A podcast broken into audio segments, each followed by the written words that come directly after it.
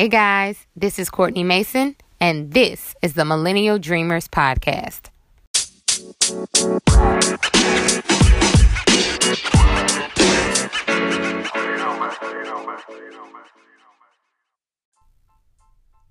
Yo, I am so excited because I'm celebrating a mini milestone.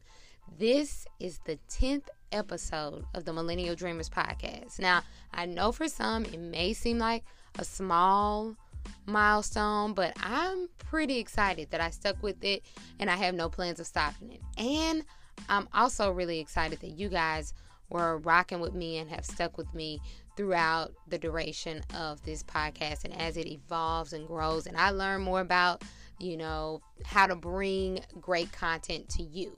So, going forward, what can you expect? I plan to interview dope millennial entrepreneurs, influencers, trendsetters, and just people going after their dreams. I also plan to bring you more information, insight, and action steps from myself and my experiences. I plan to make sure that this is always an insightful podcast that you can come to and really, really learn from. So, thank you, thank you for sticking with me thus far. And without further ado, let's hop into this week's episode.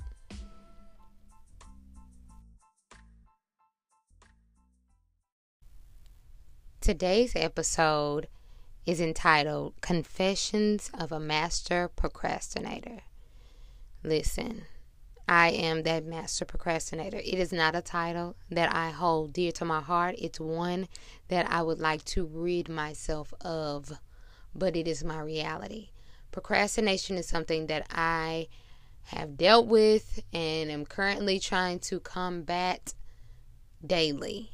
It's just something that I need to rid myself of, and I'm very aware of that. I'm very self aware and know where I need to fix things so that I can get more done, I can be more effective, I can have more success in my, you know, day-to-day career as well as my business and even just helping other people. So, the topic today is procrastination. And so, to start off, um, before we even tackle how to, you know, defeat it or beat procrastination, we need to figure out why we do it. And sometimes when we think of procrastination, you think of laziness. Like this person is being lazy they don't want to do what they need to do. But oftentimes it's a number of other reasons. Like you might not do the things that need to get done because you don't know how to go about doing it. So it might be something that you know needs to get done, but you're really not sure how to get it done. Or you know it needs to get done, but you're scared that if you do it and you do it incorrectly,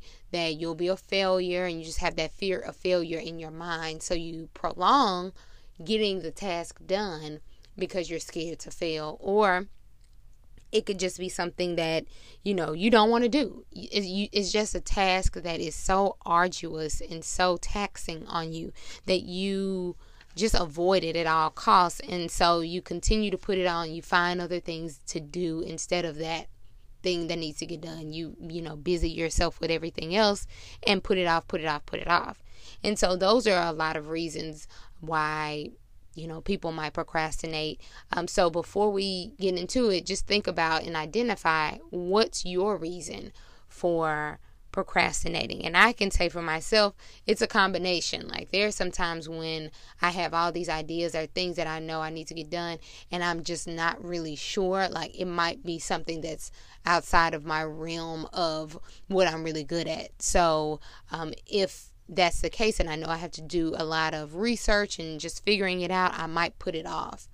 But it still needs to be done. Also, I'm one of the the individuals that will put off something that I don't want to do. So, for example, um, I have a small business, a children's brand entitled Little Miss Dancy Pants, or a company called Little Miss Dancy Pants Enterprises, and there are a lot of things that I just don't necessarily like to do, like bookkeeping. But because my business has products, I have books and shirts and uh, water bottles and all these other things and a lot of inventory, I have to make sure that I know what I have. I'm doing an audit of what I have, keeping a spreadsheet of what's been sold. If I do a workshop, what was sold there. And for a while before I started it, I didn't realize that those are all skills and things that I needed to be abreast of and on top of to make sure that this is, you know, running smoothly. And so when I don't do the things, if I'm just like, I really don't feel like sitting down, counting all the things I have X, Y, and Z I need to do, I'll put it off. But that prevents me from turning in you know, information I need to turn into my accountant when it's time for tax time. You know, there have been times when he's like, I'm going to have to file an extension because you still haven't provided me what I need. And so you just don't want to get into that habit and go down that rabbit hole because it can cost you. There fees and penalties associated with um, not just on the tax side, but you know other things that you might fail to do timely. You might find yourself paying um, for it literally um, you know, out of your pocketbooks, you might find yourself paying for not doing what you need to do. So, with that said, procrastination can cost you. We want to get out of the habit of doing it. So, what are some action steps we can do? And I just have a few quick tips. I don't want to make this a long episode, but what are some action steps that we all can use? And these are some that I've started to implement for myself and that have really helped me to stay on top of things that need to get done. So, first, we have to realize that we can't rely on our willpower. We have to put some systems in place to make sure we can desire, yeah, I want to stay on top of things, but we really need to put systems in place to make sure that we're being held accountable and getting things done. And the first thing you want to do is write out everything that you need to do, whether it's needs to be done within the you know short term or long term if it's something that's months away or even something that needs to be done by the end of the week write everything that you can think of that needs to get done. And then beside that thing that needs to get done, you want to put the deadline that it has to be complete. Whether or not it's something that you told yourself that you wanted to do, or it could be something with your job, or it could be something that someone else hasn't put a deadline in place that this thing needs to be done by a certain date whatever that hard and fast deadline is, you want to write it beside your list, whatever that each item you're, you create that list and then write out the hard and fast deadline. So that's the first thing that you want to do because what you're going to do with each item is you're going to work backwards.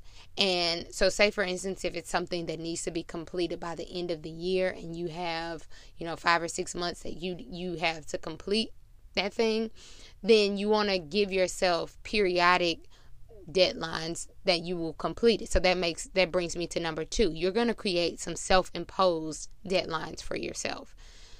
If it's 5 months away, you're going to put on your calendar, you know, 2 months out from that deadline and then 4 months out from that deadline, a reminder of yourself that what you need to have done, how much needs to be completed or what can be done to get you closer to the completion of that item. If it's something that needs to be done, you know, within two weeks, a week before it's due, you need to have, you know, a week to the day that it's supposed to be due before. You want to make sure that you write that on your calendar.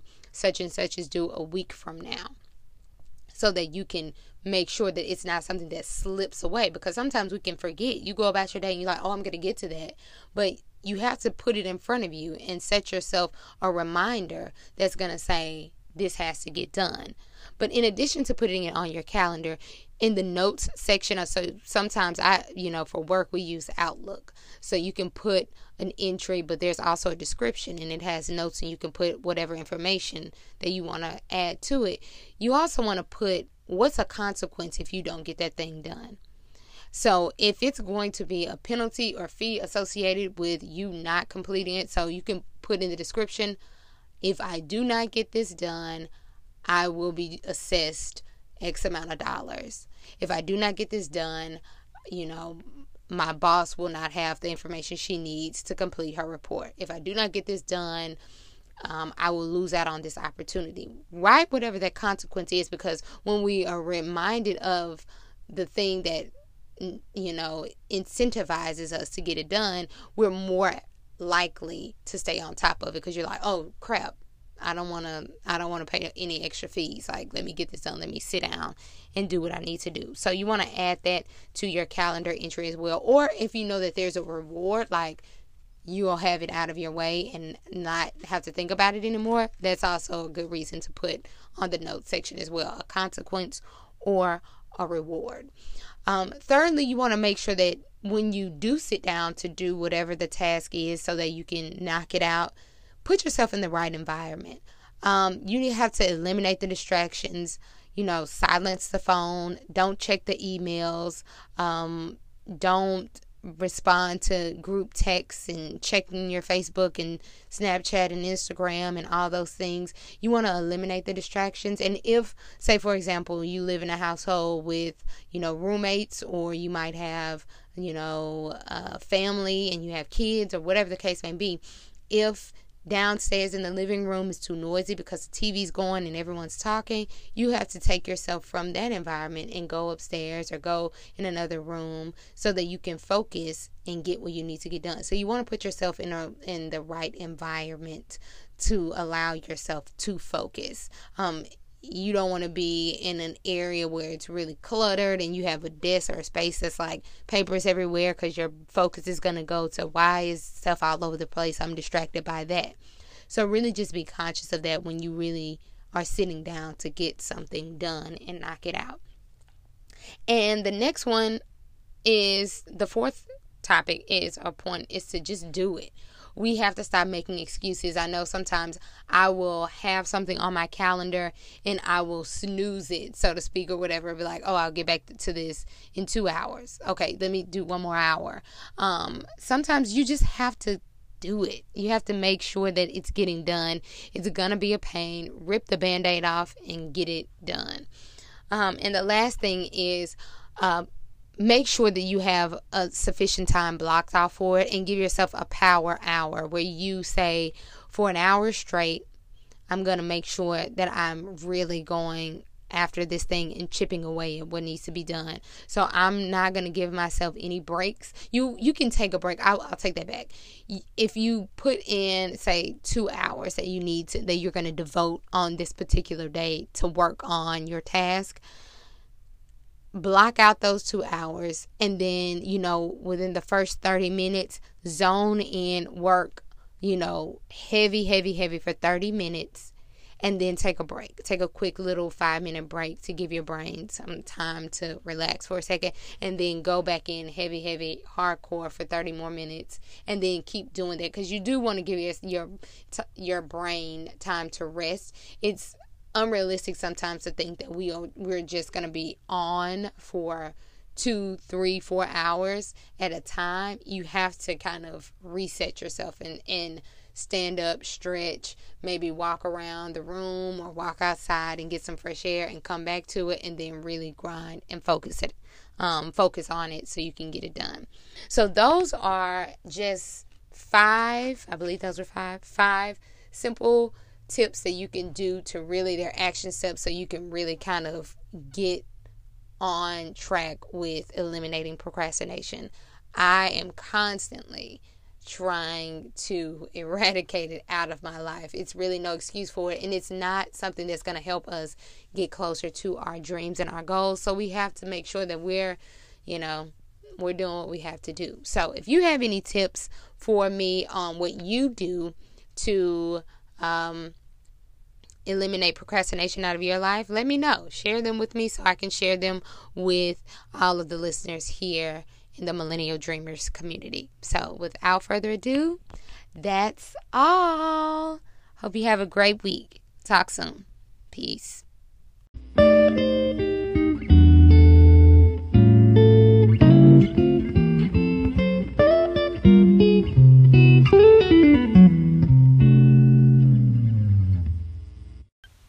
Thanks so much for listening to this week's episode. If you have any ideas you'd like me to discuss on the podcast, send me an email to millennialdreamerspodcast at gmail.com. Again, that's millennialdreamerspodcast at gmail.com. I look forward to hearing from you. Oh, and hit the subscribe button. Talk soon. Peace. The podcast you just heard was made using Anchor. Ever thought about making your own podcast? Anchor makes it really easy for anyone to get started. It's a one stop shop for recording, hosting, and distributing podcasts. Best of all, it's 100% free. Sign up now at anchor.fm slash new. That's anchor.fm slash new to get started.